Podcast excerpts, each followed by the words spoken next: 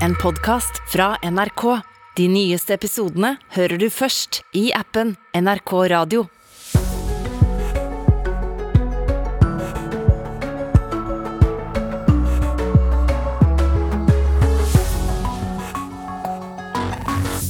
Ja, god onsdag 10. august. Dette er eh, Nyhetsmorgen og noe av det du skal få høre mer om i dag.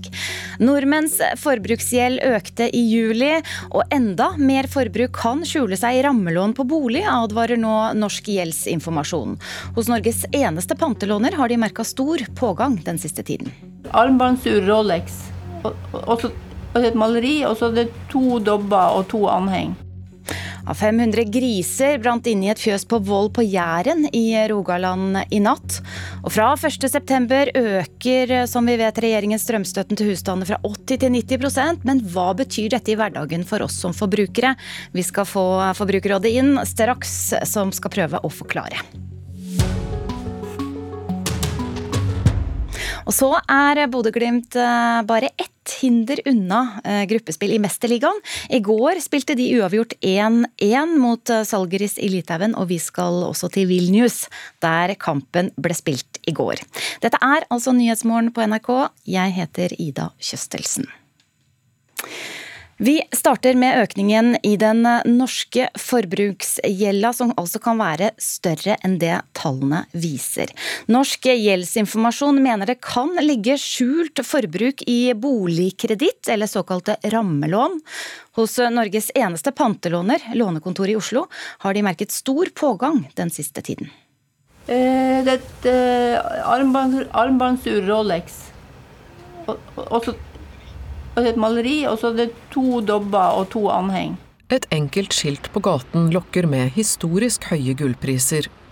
Til lånekontoret i Oslo sentrum kommer det jevnlig kunder innom med gulløredobber, klokker og bunader for å ta opp et raskt lån. Andre ringer for å få lånet forlenget. Da har, du- da, du betaler etterskuddsvis rente, så da har du betalt det til med den datoen, og da kan du ha det fire nye måneder. Etter en stille periode i juni og juli hadde de stor pågang sist uke, forteller daglig leder Helle Biseth Markussen. Da lånte vi ut 130 nye lån, og jeg ser at det er, der var det et snitt på 15 200 kroner på de lånene. En betraktelig økning fra samme uke i fjor, hvor de lånte ut 87 lån. Renta er vesentlig lavere enn på et vanlig forbrukslån, og kan du ikke betale, blir tingene solgt på auksjon. De fleste som kommer for å få et pantelån, oppgir ifølge Biseth Markussen at de gjør det for å betale regninger. Men det er klart det er andre ting også. Nå er det noen som har brukt litt mer penger på feriene sine enn det de hadde regnet med. Kanskje ønsker å feriere på en annen måte etter eh, en lang pandemi. Eh, Som sagt, det er regninger eh, det i hovedsak går i. Tall fra Norsk gjeldsinformasjon viser at nordmenns forbruksgjeld økte med 1,9 milliarder kroner i fellesferien. En utvikling det er viktig å følge nøye med på, sier daglig leder Svein Ove Karstensen.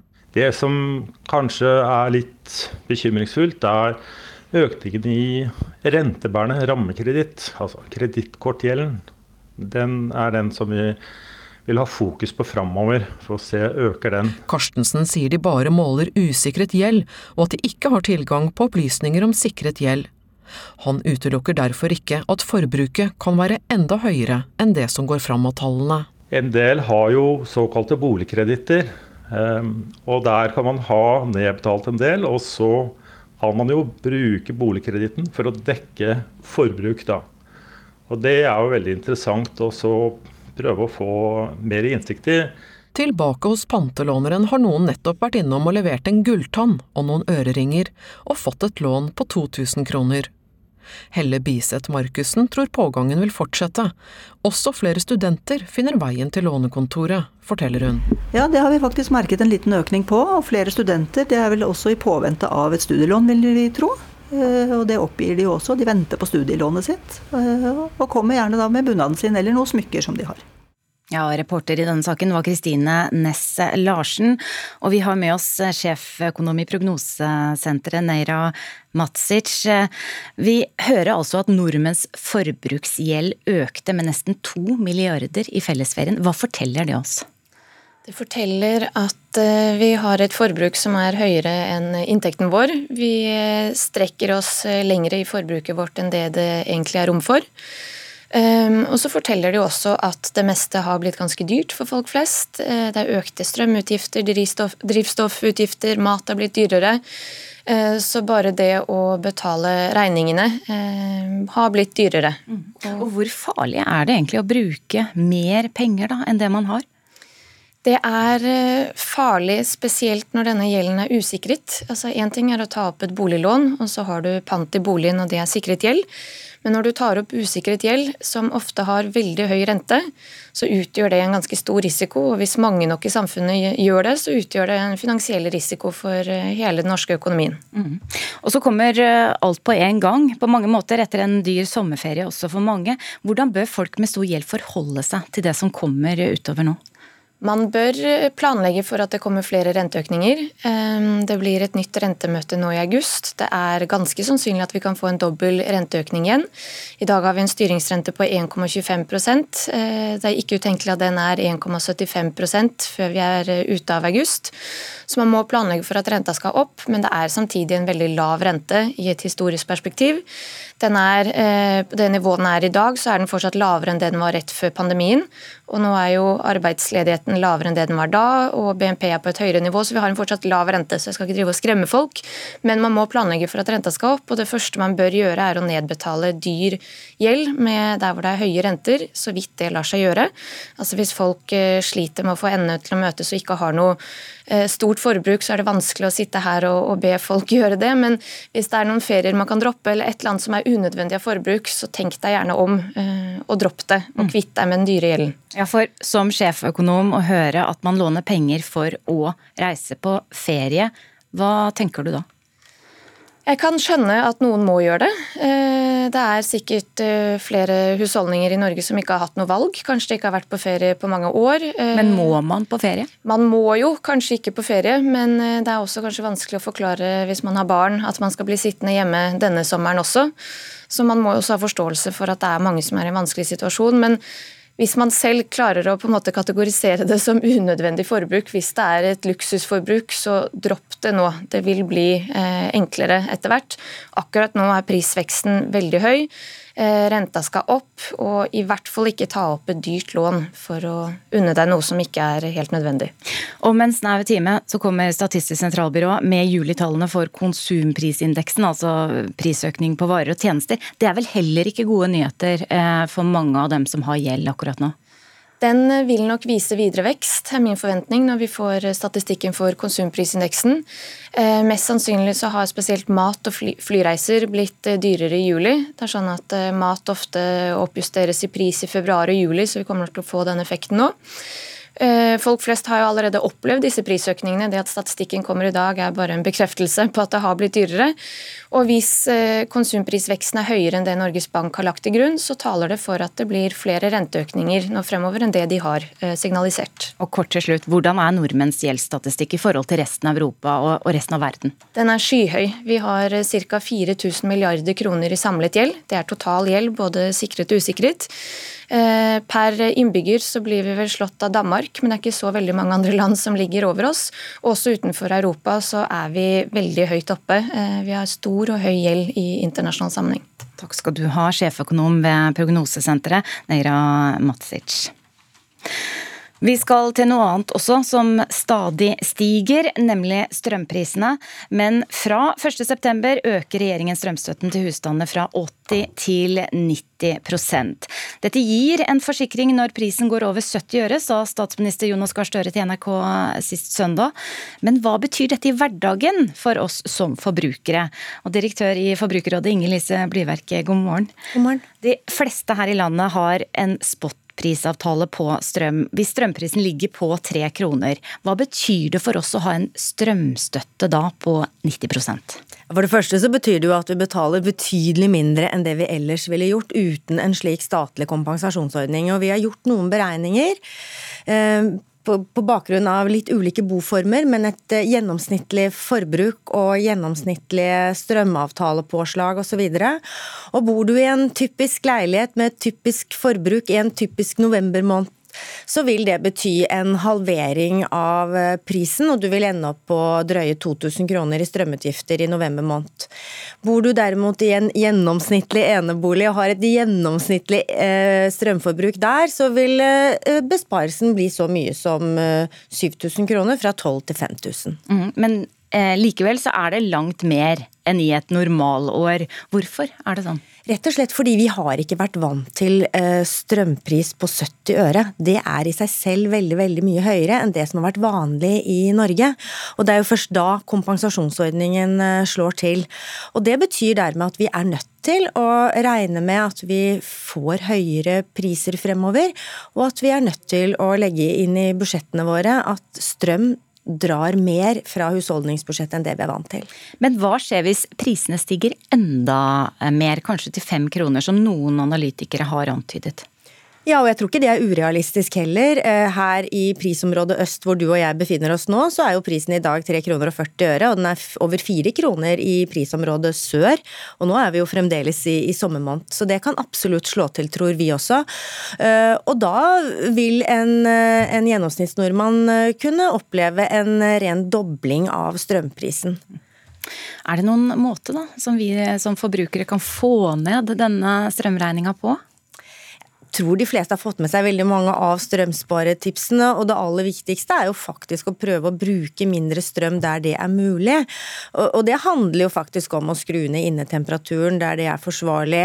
Alltid skru av lyset når det går ut av et rom, og ikke nødvendigvis med den nye nettleien vår heller bruke alle mulige slags husholdningsapparater på likt. Men eh, jeg tror nok også at Eh, vi trenger systemer fremover som gjør at vi kan beskytte oss noe mot store svingninger i strømprisene.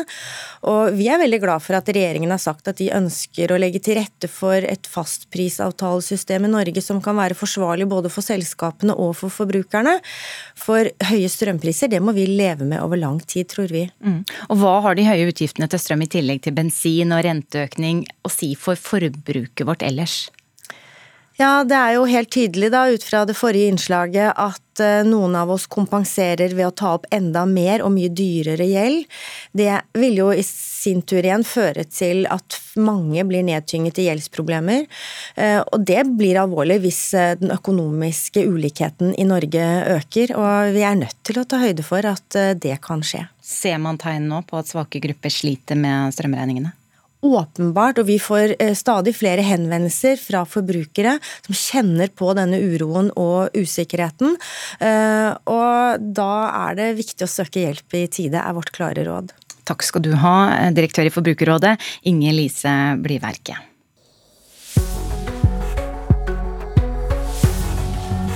Klokka er kvart over sju. Du følger Nyhetsmorgen eh, på NRK. Eh, nordmenns forbruksgjeld økte altså i juli i år, og sjefsøkonom ved Prognosesenteret er bekymret. Myndighetene i Ukraina vil ikke bekrefte at det dreier seg om et eh, ukrainsk angrep på en russisk militærbase på Krimhalvøya i går, men på sosiale medier er det mange spekulasjoner rundt nettopp dette. Og 500 griser brant inn i et fjøs på Voll på Jæren i Rogaland i natt. Vi skal eh, først til eh, Moskva. På den annekterte Krimhalvøya skal minst én person ha blitt drept og flere skadd i en serie kraftige eksplosjoner på en russisk militærbase. Og Ifølge russiske myndigheter er det ammunisjonslagre som eksploderte pga. brudd på reglene om brannsikkerhet. I Ukraina vil myndighetene ikke bekrefte at det dreier seg om et ukrainsk angrep, men på sosiale medier er det mange spekulasjoner rundt det. Og Korrespondent Jan Espen Kruse i Moskva, hva mer blir sagt i russiske medier i dag om eksplosjonene på Krim? Ja, De russiske kontrollerte, de statlig kontrollerte mediene her i Russland de eh, holder seg til den offisielle versjonen, den som kommer fra eh, det russiske forsvarsdepartementet. Den går ut eh, på altså at det er brudd på brannsikkerhetsreglene, og at det er eksplosjoner som har skjedd i et ammunisjonslager på Saki flybase på Krimhalvøya. Det er jo ganske spektakulære bilder som kommer derfra. Det, ifølge øyenvitner har det dreid seg om hele hele tolv eh, kraftige eksplosjoner. Og én person eh, skal ifølge lokale myndigheter være omkommet i eksplosjonene. og eh, inntil åtte åtte personer, ifølge noen meldinger, skal ha blitt skadd i dette angrepet. Det blir fra russisk side sagt at ikke, ingen av flyene eller helikoptrene på denne basen har blitt ødelagt av disse, disse eksplosjonene. Men, men, det er ganske uklart, ifølge de russiske mediene, hva som egentlig har skjedd her. Og Hva går de ukrainske uttalelsene ut på? Ja, Der kommer det motstridende meldinger fra ukrainsk side. En offisiell eh, talsmann han uh, sier at det kan ha blitt brukt langtrekkende ukrainsk produserte uh, raketter, eller at det er sabotører på Krimhalvøya som har stått bak dette. En annen talsmann sier at dette har Ukraina ikke noen verdens tingen med, mens en ikke navngitt ukrainsk kilde sier til New York Times at, det dreier seg om et militærangrep. mens Eh, president Volodymyr Zelenskyj kommenterte ikke eksplosjonene direkte i sin eh, red, daglige redegjørelse i går kveld. Hvis det er et eh, ukrainsk militært angrep, hvilken betydning kan det ha? Ja, Det kan ha ganske stor betydning for ukrainske myndigheter. De har jo lovet vestlige land at de ikke skal bruke de eh, rakettene som de har fått fra Vesten til å angripe mål inne i Russland. Og Russiske myndigheter de ser jo på Krimhalvøya eh, som sitt territorium etter at de annekterte eh, denne fra, eh, fra, Ukraina i 2014. Eh, så, så, hvis det dreier seg, hvis det blir bekreftet at det er et ukrainsk angrep, så eh, har russiske myndigheter tidligere truet med eh, å trappe opp denne krigen ytterligere, og at det kan bli aktuelt å angripe eh, politiske og militære mål også i, i hovedstaden som et svar på slike angrep eventuelt. Men derfor er ukrainske myndigheter nøye med å si at det er eventuelt ukrainskproduserte raketter som har blitt brukt i, i, i det som har skjedd. Ja, takk skal du ha, korrespondent i Moskva, Jan Espen Kruse. Vi skal hjem igjen. En brann i et grisefjøs på Jæren i Rogaland kostet rundt 500 griser livet.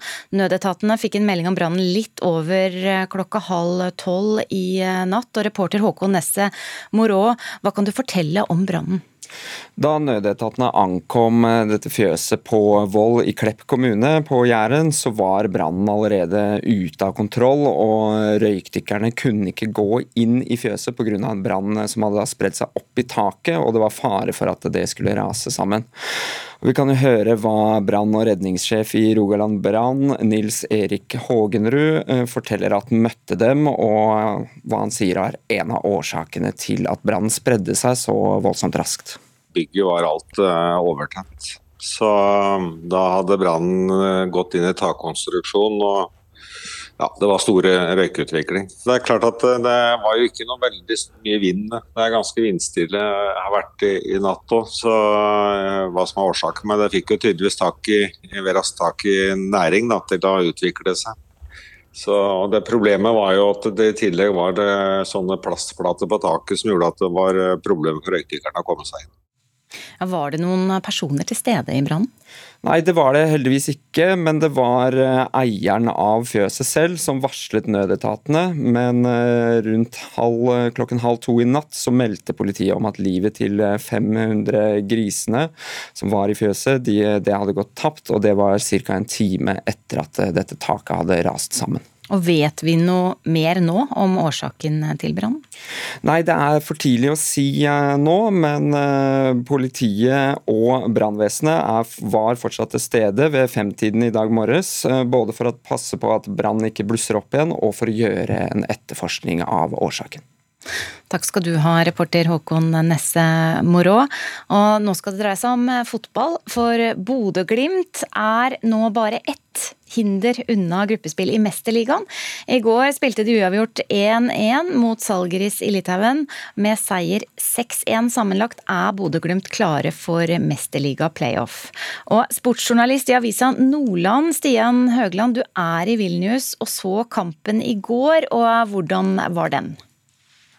Det var vel ikke den beste fotballkampen Bodø-Glimt har spilt i går, men uh, i går var det én ting som telte, og det var å gå videre sammenlagt. Og det gjorde de. Og da er de jo klar som du sier, for eh, playoff til Mesterligaen. Og sikra minimum gruppespill i Europa League, som betyr ekstremt mye både økonomisk og ikke minst opplevelsesmessig for Bodø og Glimt. Ja, Du fikk snakka med spillerne etter kampen, og hvordan eh, var stemninga? Veldig god. Det var sjelden god stemning til å ha spilt uavgjort. og Jeg hørte det var noen av spillerne som henta frem telefonen i garderoben og spilte Champions League-hymne på høyttaler etter kampen. Så det er ikke tvil om at eh, dette syns de var kult sjøl. God stemning, altså. I går, ganske seint, så ble det klart at eh, bodøværingene møter Dynamo Dinamo Zagreb fra Kroatia i Mesterliga playoff. Du følger jo Glimt tett, og hva tror du om mulighetene for at dette laget også klarer det neste hinderet nå? Det er selvfølgelig et en meget tøff motstander Bodø-Glimt har fått i Dinamo Zagreb, som har mye europeisk rutine. Men det har også Bodø-Glimt fått i løpet av de siste par sesongene. Så det er overhodet ikke umulig at Bodø-Glimt eh, også kan eh, slå Dinamo Zagreb, selv om det blir tøft over to kamper. Og da, da venter de virkelig store kanonene utover høsten. Og Hva slags økonomisk betydning har sammenlagtseieren over eh, Salgeris? De, I går så spilte de inn eh, sikra de seg cirka, eller opp mot 100 millioner allerede. Eh, og en seier mot Dinamo Zagreb vil jo bety minimum det dobbelte. Så, eh, så, det betyr ekstremt mye for en klubb som eh, for fire-fem år siden hadde 40 millioner i årsbudsjett, og nå har ligger rett i overkant av 100 millioner i årsbudsjett. Mm, når er neste kamp? De spiller hjemme på Aspmyra på tirsdag klokka ni, og så er det returkamp i Zagreb onsdag en uke etterpå. Og så fikk sikkert også noen med seg at Glimts førstekeeper eh, Nikita Haikin ble skadd. Eh, vet du eh, hvor alvorlig denne skaden er? Jeg har prata med han sjøl etter kampen, og da mente han på at det ikke var så alvorlig som frykta. Men, men, det er ikke godt å si. Jeg regner med de skal undersøke han når de kommer til, tilbake til Norge i dag. Og så ville han ikke utelukke at han kunne spørre oss her på fredag. og håper i hvert fall at skal være klar eh, mot Zagreb på tirsdag. Takk skal du ha, sportsjournalist i Avisa Nordland, Stian Høgland, som altså er på plass i Vilnius og så kampen der i går. En ny meningsmåling viser at mange anser måkene og krykkjene i Tromsø sentrum som et stort problem. Flertallet mener noe må gjøres for å fjerne fuglene fra Tromsø sentrum.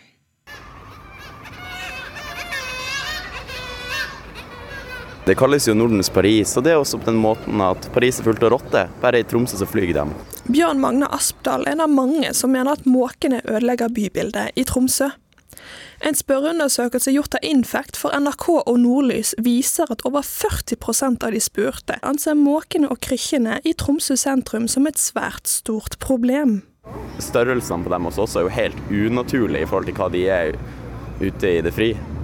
Sånn som vi har det nå, det kan vi ikke ha. Det sier Tromsøs ordfører Gunnar Wilhelmsen. Han har hørt om flere episoder hvor måker stuper ned for å ta mat fra barn og voksne. En som har opplevd dette, er Britt Kvalsvik. Nei, nå syns jeg det har tatt overhånd. Det er jo sånn at du kan ikke sette deg ned en plass, i hvert fall ikke med mat, før det kommer en koloni og vil smake. Jeg opplevde en gang jeg satt på Solid for noen år siden og hadde litt mat på fatet. Ja, det var bare sekunder, så var det rundstykket borte. Det er ikke det eneste som kommer frem i meningsmålingen.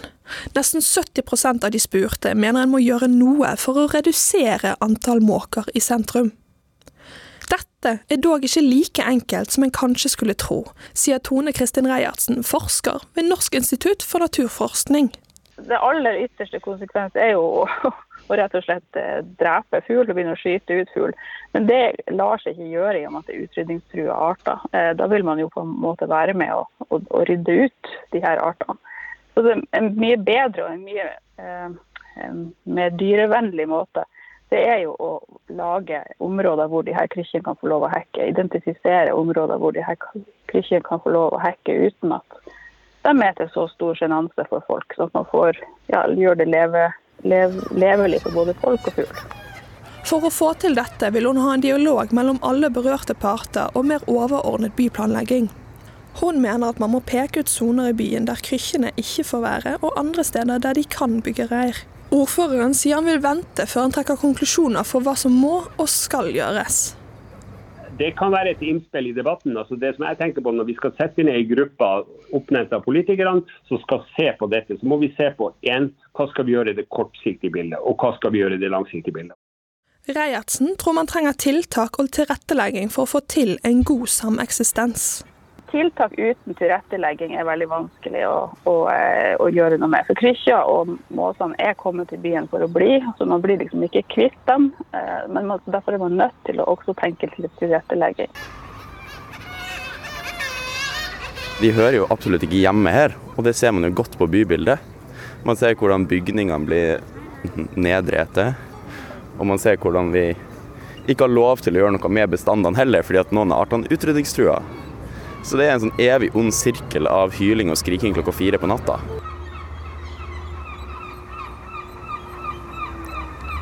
Ja, Vi hørte måkene i Tromsø sentrum der, og reporter var Hanne Wilhelms. Hvithvaren som har vært stranda i den franske elven Seinen, er nå henta opp av elva.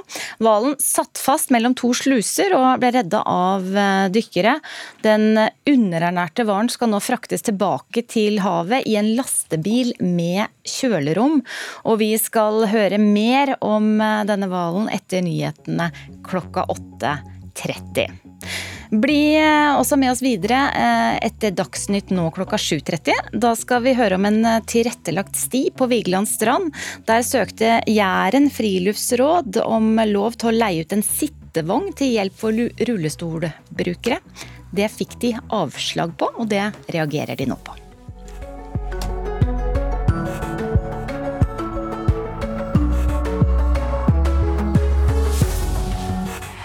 Hør podkaster i appen NRK Radio. Dynga. Vi skal hjelpe deg gjennom denne dagen her. Bærum og Beyer snakker om greier. Jeg vil jo si at det går veldig mot lysere tider, for i natt er første gang jeg drømte om at vi er i stand til å fly. Ja. Nå er vi tilbake igjen. Med all respekt. Det skriker mangfold i 2022. Ja, altså, altså... Alle allergier blir tryggest. Lørdagsrådet. Alt du skal få høre her, strir folk med akkurat nå. Helt til vi har løst problemene, selvfølgelig. Hør podkastene først i appen NRK Radio. NRK Radio. Vi hører sammen.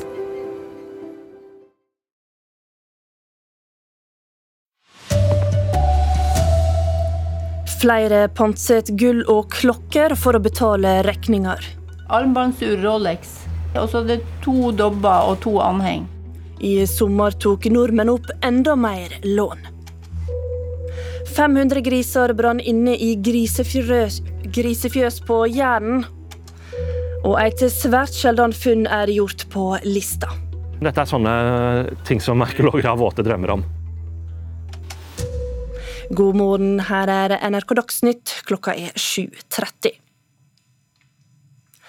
Flere enn vanlig har den siste tida forsøkt eh, å oppsøke Noregs eneste pantelåner, Lånekontoret i Oslo.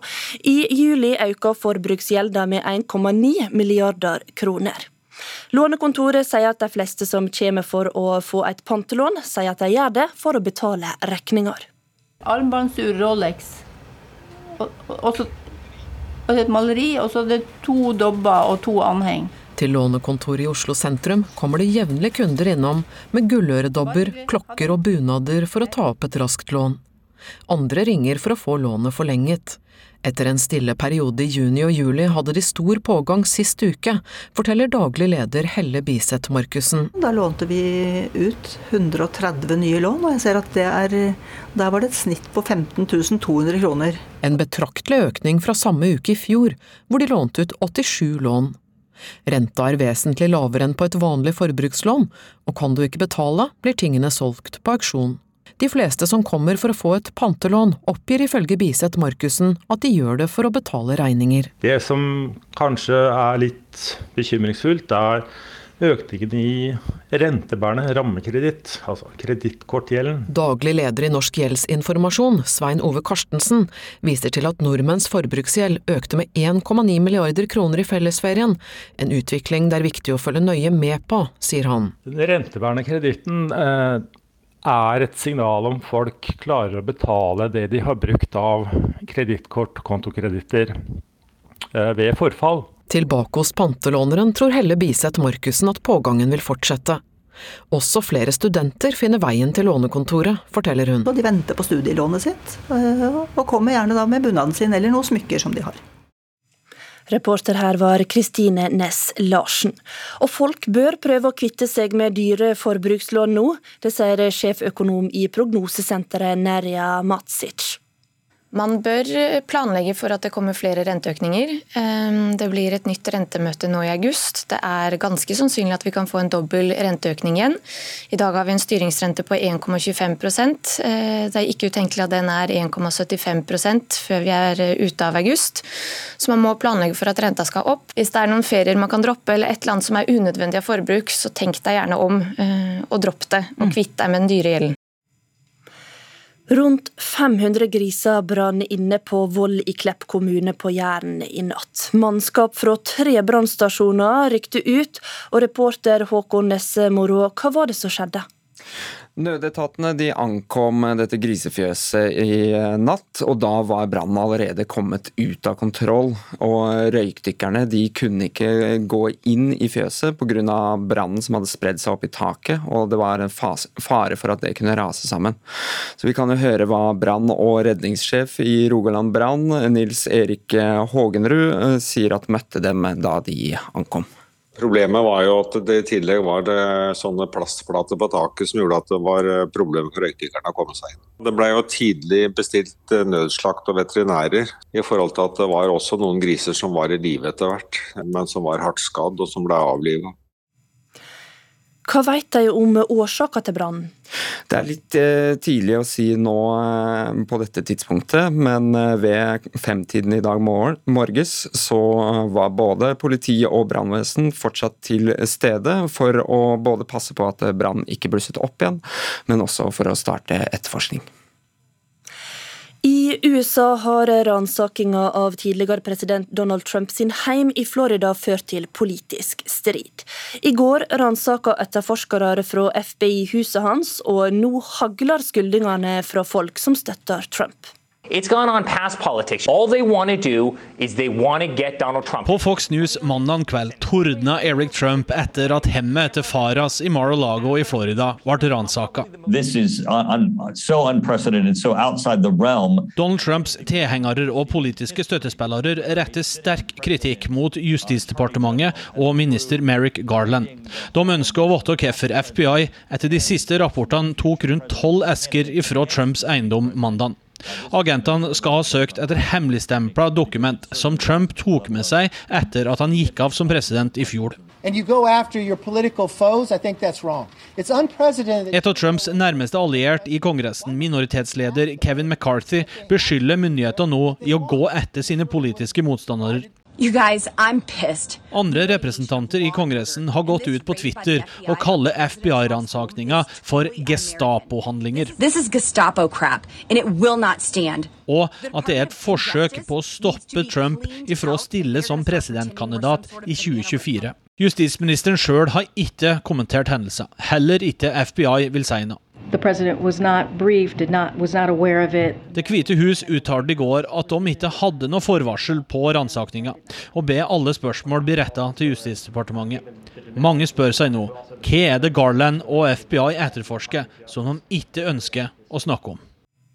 Og Det var USA-korrespondent Lars Os som hadde laga denne saka. Én av ti elever på videregående skole har ei eteforstyrring, det viser en ny studie. For jenter er tallet høyere enn for gutter. Ei av tre jenter sier at de har store problemer når det gjelder mat, kropp og eting.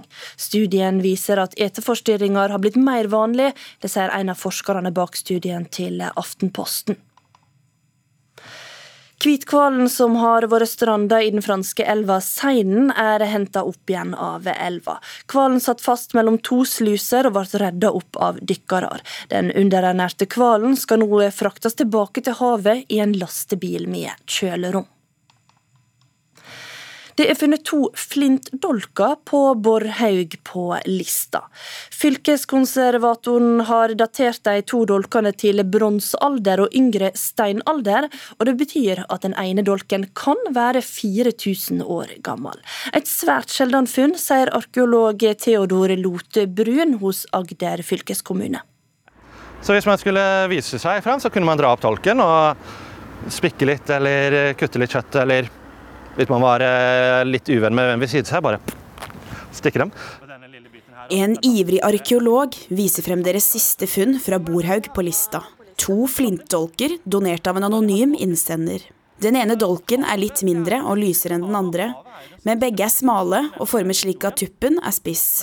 Theodor Lote Brun har holdt lignende våpen i hendene før, men disse er rundt 4000 år gamle og hogger denne jobbdagen inn i stein som en av de beste. Det kribler virkelig i kroppen min når jeg sitter med disse her. Dette her er så gøy. Dette her er eh, drømmefunn. Dette er sånne ting som arkeologer har våte drømmer om. Det er så mye informasjon i denne her. Flintdolkene er funnet i samme område, men ut ifra hvordan de er lagd, er det mest sannsynlig 300 år mellom dem. Likevel bærer de begge mye historie med seg. Denne her er veldig fint, godt laget. Godt håndverk. Veldig rette, jevne hugg, og så kanskje blitt slipt, men det er vi ikke 100 sikre på ennå. Den er så herlig uperfekt. Måten den er slipt på, med det er sånne bølger, på en måte, det forteller at denne her er slipt med en bryne. Dolkene kommer mest sannsynlig fra Danmark og ble fraktet over sjøveien lenge før vikingtiden. Men selv om de er veldig sjeldne, betyr det ikke at dolkene nødvendigvis er perfekte. Jeg har forsøkt å gjøre den til en god en, men det er ikke den beste. Det er som at du ønsker deg en eh, Ferrari og får en Fiat. Nei, det var kanskje litt feil å si, for Fiat er veldig fine. Altså. Masse spennende historie i en liten dag. Reporter var Victoria Marie Nordahl. Avlingene ligger an til å bli svært gode for kornbøndene på Østlandet. Den neste veka er det meldt sol og temperaturer som nærmer seg 30 grader. I Drammen har bonde Ole Hans Undelsrød allerede levert 100 tonn med kveite, og sier det kan bli et toppår. Ja, dette er jo helt uh, fantastisk, rett og slett. Nå er det ei uke til med bare sol, og da rekker vi å få få inn alt vi har av høstkorn i området her. I de litt mer marginale områdene så vil det ennå ta litt av tid, men uh, hvis vi får det inn i denne perioden her, så ser det ut som alt holder en kvalitet uh, som vil si at det kan bakes brød av. Men mens det kan bli en bra kornhøst på Østlandet, så er det så vått i vest at mange bønder ikke får høste. Ansvarlig for Dagsnytt i dag er Elin Pettersen, i studio Marte Halsør.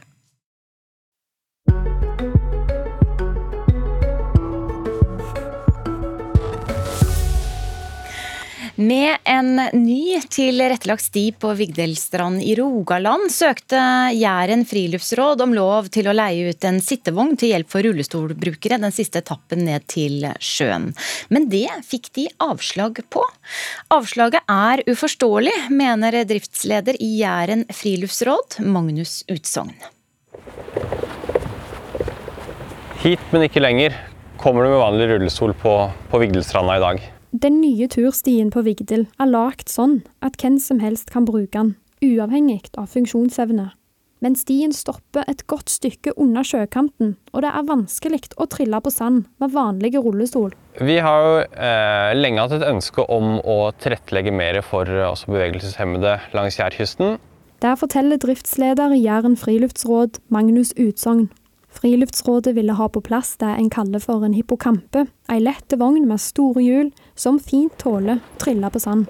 Men så hadde vi den ideen om at, eh, at hvis vi får tak i en sånn hippocamp som kan stå og være tilgjengelig for utlån gjennom frilager her på Vigdel, så kunne også den barnefamilien med et barn i rullestol kunne også komme seg og være med ut, ut på stranda, og ikke bare stoppe her eller og sitter rett ved stien. En søknad ble sendt til Statsforvalteren om lov til å leie ut sittevogner på Vigdel, men Friluftsrådet fikk avslag. Vi er skuffa, for vi hadde lyst til å, å, eh, gi folk muligheten til å komme ned på stranda med rullestol. I avslaget viser Statsforvalteren til et forbud mot all terrenggående friluftsutstyr på hjul i det verna jærlandskapet.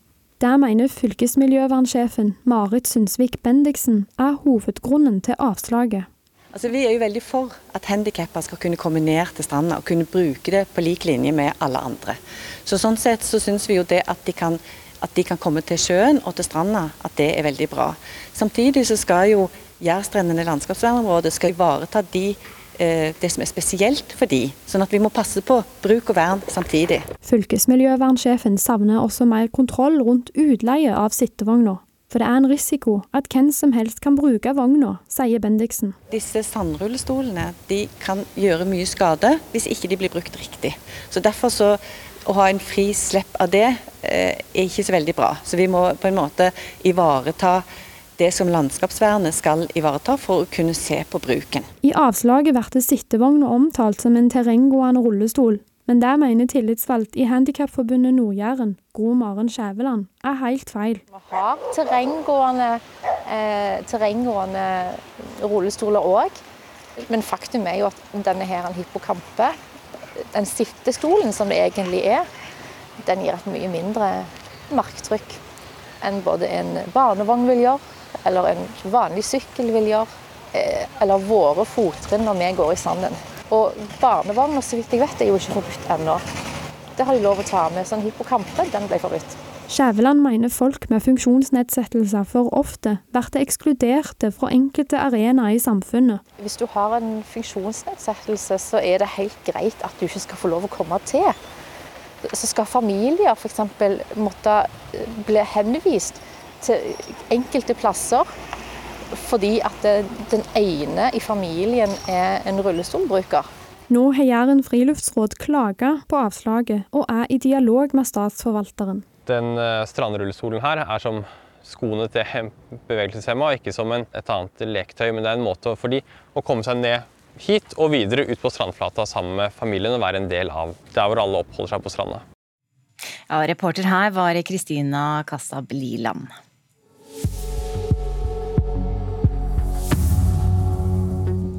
Dette er Nyhetsmorgen. Straks får du eh, Politisk kvarter her, i dag ved Astrid Randen. Vi tar med oss et par eh, overskrifter før det. Nordmenns eh, forbruksgjeld økte i juli, og enda mer forbruk kan skjule seg i rammelån på bolig, advarer nå Norsk gjeldsinformasjon. Hos Norges eneste pantelåner har de merket stor pågang den siste tida. 500 griser brant inne i et fjøs på Voll på Jæren i Rogaland i natt. Og myndighetene i Ukraina vil ikke bekrefte at det dreier seg om et ukrainsk angrep på en russisk militærbase på Krimhalvøya i går, men på sosiale medier er det mange spekulasjoner. Og i USA har ransakingen av tidligere president Donald Trumps hjem i Florida ført til politisk strid.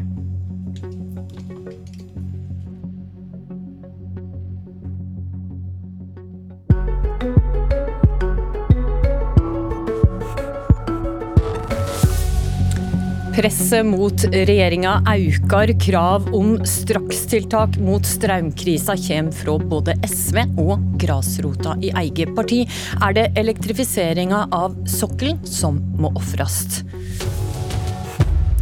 Strømprisene når stadig nye rekorder, og er venta å bli enda høyere til høsten og vinteren. Regjeringa opplever et stort press for å komme med tiltak, og et av kravene det er å skyve på eller utsette elektrifiseringa av sokkelen. Altså føre landstrøm ut til oljeplattformene for å kutte utslipp. Blant annet varaordføreren i Stavanger, Dagny Sunnås Hausken, sier til Dagens Næringsliv er det mulig å utsette elektrifiseringa, bør vi i alle fall gjøre det, for nå har vi desperat mangel på kraft. Og hun får støtte fra ei rekke Ap-ordførere som uttaler seg til Klassekampen i dag. Geir Pollestad, du er parlamentarisk nestleder i Senterpartiet og med oss fra studio Stavanger. Er du samd med varaordføreren og ordførerne som mener at kraftsituasjonen nå gjør at vi må tenke nytt om elektrifisering av oljeplattformene? Det ville vært veldig rart å diskutere elektrifisering nå uten å ta hensyn til den kraftsituasjonen som er på land. Og Det ligger òg i eh, regjeringsplattformen at eh, en skal eh, elektrifisere installasjoner, men det skal skje på en måte som er i tråd med eh, behovene til industri og folk på fastlandet. Så det å, At vi skulle liksom late som denne kraftkrisen ikke finnes når en diskuterer elektrifisering, ville være eh, veldig veldig rart. Så Derfor syns jeg at eh, varaordføreren i Stavanger har gode og viktige poeng. Ja, Så det betyr det at du er enig i at en må skyve på eller utsette flere av de planene om elektrifisering som ligger der? Dette er jo noe som eh, Senterpartiet første gang løfta i mars måned eh, med vår parlamentariske leder, og som vi har eh, vurdert å jobbe med og mener hele tida at vi må se det med elektrifisering opp mot hvilken tilgang på kraft som vi har. Nå har vi en kraftkrise, og at vi skulle bare kjøre på videre uten å ta hensyn til den, ville være helt feil. Og så er det jo sånn at Regjeringsplattformen peker på havvind Eh, og utbygging av havvind som, eh, og annen ny eh, produksjon som en del av løsningen for å få ned utslippene fra, fra oljeindustrien. Og så ligger det til grunn at vi er en regjering som ønsker å utvikle og ikke avvikle olje- og gassnæringen. Og Da må vi ta noen grep, men vi må gjøre det på en måte som også bygger opp under fastlandsindustrien vår. Som du nevnte, så tok det opp dette første gang i mars. Det var med din parlamentariske leder, Marit Arnstad, som sa da at en eh, også kan måtte skyve på regjeringas klimamål heller enn å elektrifisere med strøm. Det ble en del bråk, og, eh, men deretter ganske stille fra Senterpartiet. Hvor tenker du, må vi være villige til å skyve på klimamåla, eller eh, ligger de fast? Ja, Det ble masse bråk når dette ble sagt, både fra SV og fra Høyre og andre, som nærmest på autopilot bare sa at nei, dette går ikke an å si, og sånn går ikke an. Men jeg tror at vi er tjent med å ha en ærligere diskusjon. Eh, og, vi, eh, og målet er jo å få ned utslippene fra olje- og gassnæringen produsere eh, olje og gass på den reneste måten i verden. Men ikke for enhver pris. Og Vi må se ting litt i en sammenheng. Og Hvis vi skulle se vekk ifra både at det er krig i Europa og at vi har en kraftkrise når vi diskuterer disse tingene, da mener jeg at vi som politikere ikke gjør eh, jobben vår. Så vi eh, har fortsatt det standpunktet og må balansere dette. Men utgangspunktet er jo at klimamålene eh, ligger fast, at den må ned. Men jeg tror vi er tjent med å si, ha en ærlig diskusjon eh, om eh, at dette, en utsettelse av elektrifisering, kan ha innvirkning på akkurat målet eh, i 2030. Eh, ja, så En ærlig diskusjon betyr altså at en kan måtte skyve på klimamålene for 2030, slik du ser det? Ja, men det er heller ikke sånn at andre partier har en eksakt mengde tiltak som i sum eh, går opp til 55% kutt i 2030. Eh, eh, derfor så mener jeg at det Men Snakk om ditt eget parti og regjeringa nå, da. Ja, og da er det sånn at eh, Vi har sagt at det vil ha eh, noen konsekvenser for de norske utslippene om vi gjør dette. Samtidig er det jo sånn at det å erstatte, fase ut russisk gass som vi gjør nå, og fase inn norsk produksjon, Eh, kan også være positivt for eh, de samla eh, utslippene. Så, jeg tror at vi, vi tåler denne diskusjonen. Og i alle fall så er det sånn for Senterpartiet, og jeg mener at regjeringsplattformen peker ut det, at vi skal elektrifisere, men vi skal ikke gjøre det for enhver pris. Og vi skal ta hensyn til folk og industri på fastlandet når vi gjør det. Og så handler det òg om å få på plass ny produksjon av energi til havs. Og Når du nevner regjeringsplattformen, så står det jo helt klart der at Norge skal kutte våre klimagassutslipp med 55% innen 2030. Hvis vi skal ha sjanse til å nå dette målet, så må vi elektrifisere. Men du åpna nå egentlig for et brudd på dette punktet i plattformen? Nei, det ligger fast. Men vi sier også i plattformen at vi skal sikre tilstrekkelig fornybar kraft til ny og eksisterende industri i fastlandet. Vent litt, Ligger ligg punktet om 55% utslipp innen 2030 fast? Skal det nå det målet? Ja, det ligger, det ligger fast. Eh, så, Men det når det sånn, jo ikke det målet uten å elektrifisere sokkelen? Nei, men der er det sånn at uh, Her må man se på summen av tiltak for å nå uh, målene. Og så er det sånn at også i klimadiskusjonen så klarer en ikke å se vekk ifra at vi har både en kraftkrise, vi har en krig i Europa. Eh, det endrer noen ting, eh, og det er det vi har åpna for å ha en ærlig diskusjon om. Men jeg, eh, det ligger ikke innenfor mitt mandat å endre regjeringsplattformen, den ligger fast. Men det ligger innenfor mitt mandat og Senterpartiets stortingsgruppe å lese punktet om elektrifisering, at det har to element i seg. Det ene er elektrifisering. Det andre er å ta hensyn til folk og industri på fastlandet, og at vi skal ha levelige priser der òg. Torgeir Knag Fylkesnes, nestleder i SV. Hvordan reagerer du på signaler fra Senterpartiet her? Her var det jo mange forskjellige ting. For det første så stemmer det jo ikke at uh, ingen partier har lagd en plan for hvordan vi skal få ned utslippene til 2030. Vi har lagd en plan som vi la frem for to år siden, uh, der vi kommer ikke bare i mål med 55% men opp mot 70% utslippskutt. Og Det som er spesielt med vår plan, det er at det ikke går på Om, om elektrifisering, ja. da. Og vårt poeng er at det ikke går på bekostning av landindustri og kraftsituasjonen på land. Nettopp fordi at man skal produsere den krafta fra havet. Eh, ikke ved ilandføring av den kraften, men at kraften tilføres disse installasjonene direkte. Dette skal da bli utreda nå av regjeringa. Regjeringspartiene var veldig motstander av å innføre dette. Det ville både satt fart på kraftproduksjon til havs, det ville ikke ramme landindustri. Det ville satt fart på ny industri på land. Så dette er en konstruert eh, konflikt, sånn som vi ser det. Eh, og så er det jo bare det åpenbare her at for å håndtere én krise, så skal vi sette en annen krise altså klimakrisa på vent. Det vil føre til store negative konsekvenser. Det vil bite oss i halen rett og slett, og føre til enda større problemer for oss som samfunn. Sånn at eh, for oss er dette en forunderlig utspill fra, fra, Senterpartiet. Og det er også uklart for oss. Står klimamålene fast for, eh, for regjeringspartiene, eller gjør det ikke det? Det var eh, vel litt eh, ulike signaler. Men, men kan det gi budsjettstøtte til ei regjering hvis det ikke ligger an til å nå klimamålene for 2030? Altså, det er jo totalt uansvarlig å ikke forholde seg til den største krisa vi står i, som skaper krise på krise på andre samfunnsområder, eh, varmere, villere vær osv. Så videre. sånn det er klart, det er jo ingen ansvarlig parti som kan gi støtte til en regjering som ser bort fra klimakrisa, ikke vil innfri de målene vi har satt oss og vi har forplikta oss til internasjonalt og man har skrevet under kontrakter avtaler på. Selvfølgelig ikke det. Okay. Ja, derfor, så ligger jo klimamålene fast. og Jeg syns jo det som SV her sier om Eh, økt produksjon til havs og bruke det til elektrifisering. Eh, det er jo helt i tråd med både det Senterpartiet mener og det som står i regjeringsplattformen. Klimamålet, har... men du, Bare for å avklare det, Pollestad, sånn at jeg er sikker på at jeg skjønte det helt riktig. For Du sier at klimamålet ligger fast, men det kan hende, siden vi står i denne strømkrisa, at vi kan måtte skyve litt på deg fordi vi ikke får til å elektrifisere sokkelen med strøm fra land. Nei, det som jeg er veldig tydelig på, det er at eh, det er ikke aktuelt eh, å bidra til en økt strømkrise eh, på land fordi at en skal elektrifisere et enkelt felt. Det mener jeg at en må se hen til det som står med økt produksjon og offshore for å nå dette. Om det betyr at vi ikke når klimamålene våre, så er ikke det da blir det underordna.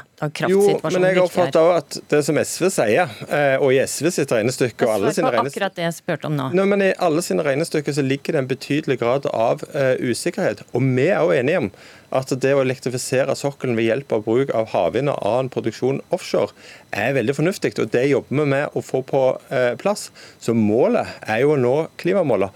Men det jeg sier, at uh, vi er ikke villige til å føre norsk industri og norske forbrukere til skyhøye strømregninger okay. i lengre tid, eh, bare fordi at en av prinsipp har sagt at en skal elektrifisere. Da er det bedre å se på framdrifta, mm. og så vil det ha noen innvirkninger på Norge sine utslipp, og så kan det også ha noen andre utvirkninger på de globale utslippene. Okay. Du, I Politisk kvarter i går så hørte vi lederen i Senterpartiets eh, ordførerforum, eh, Sakse Frøshaug.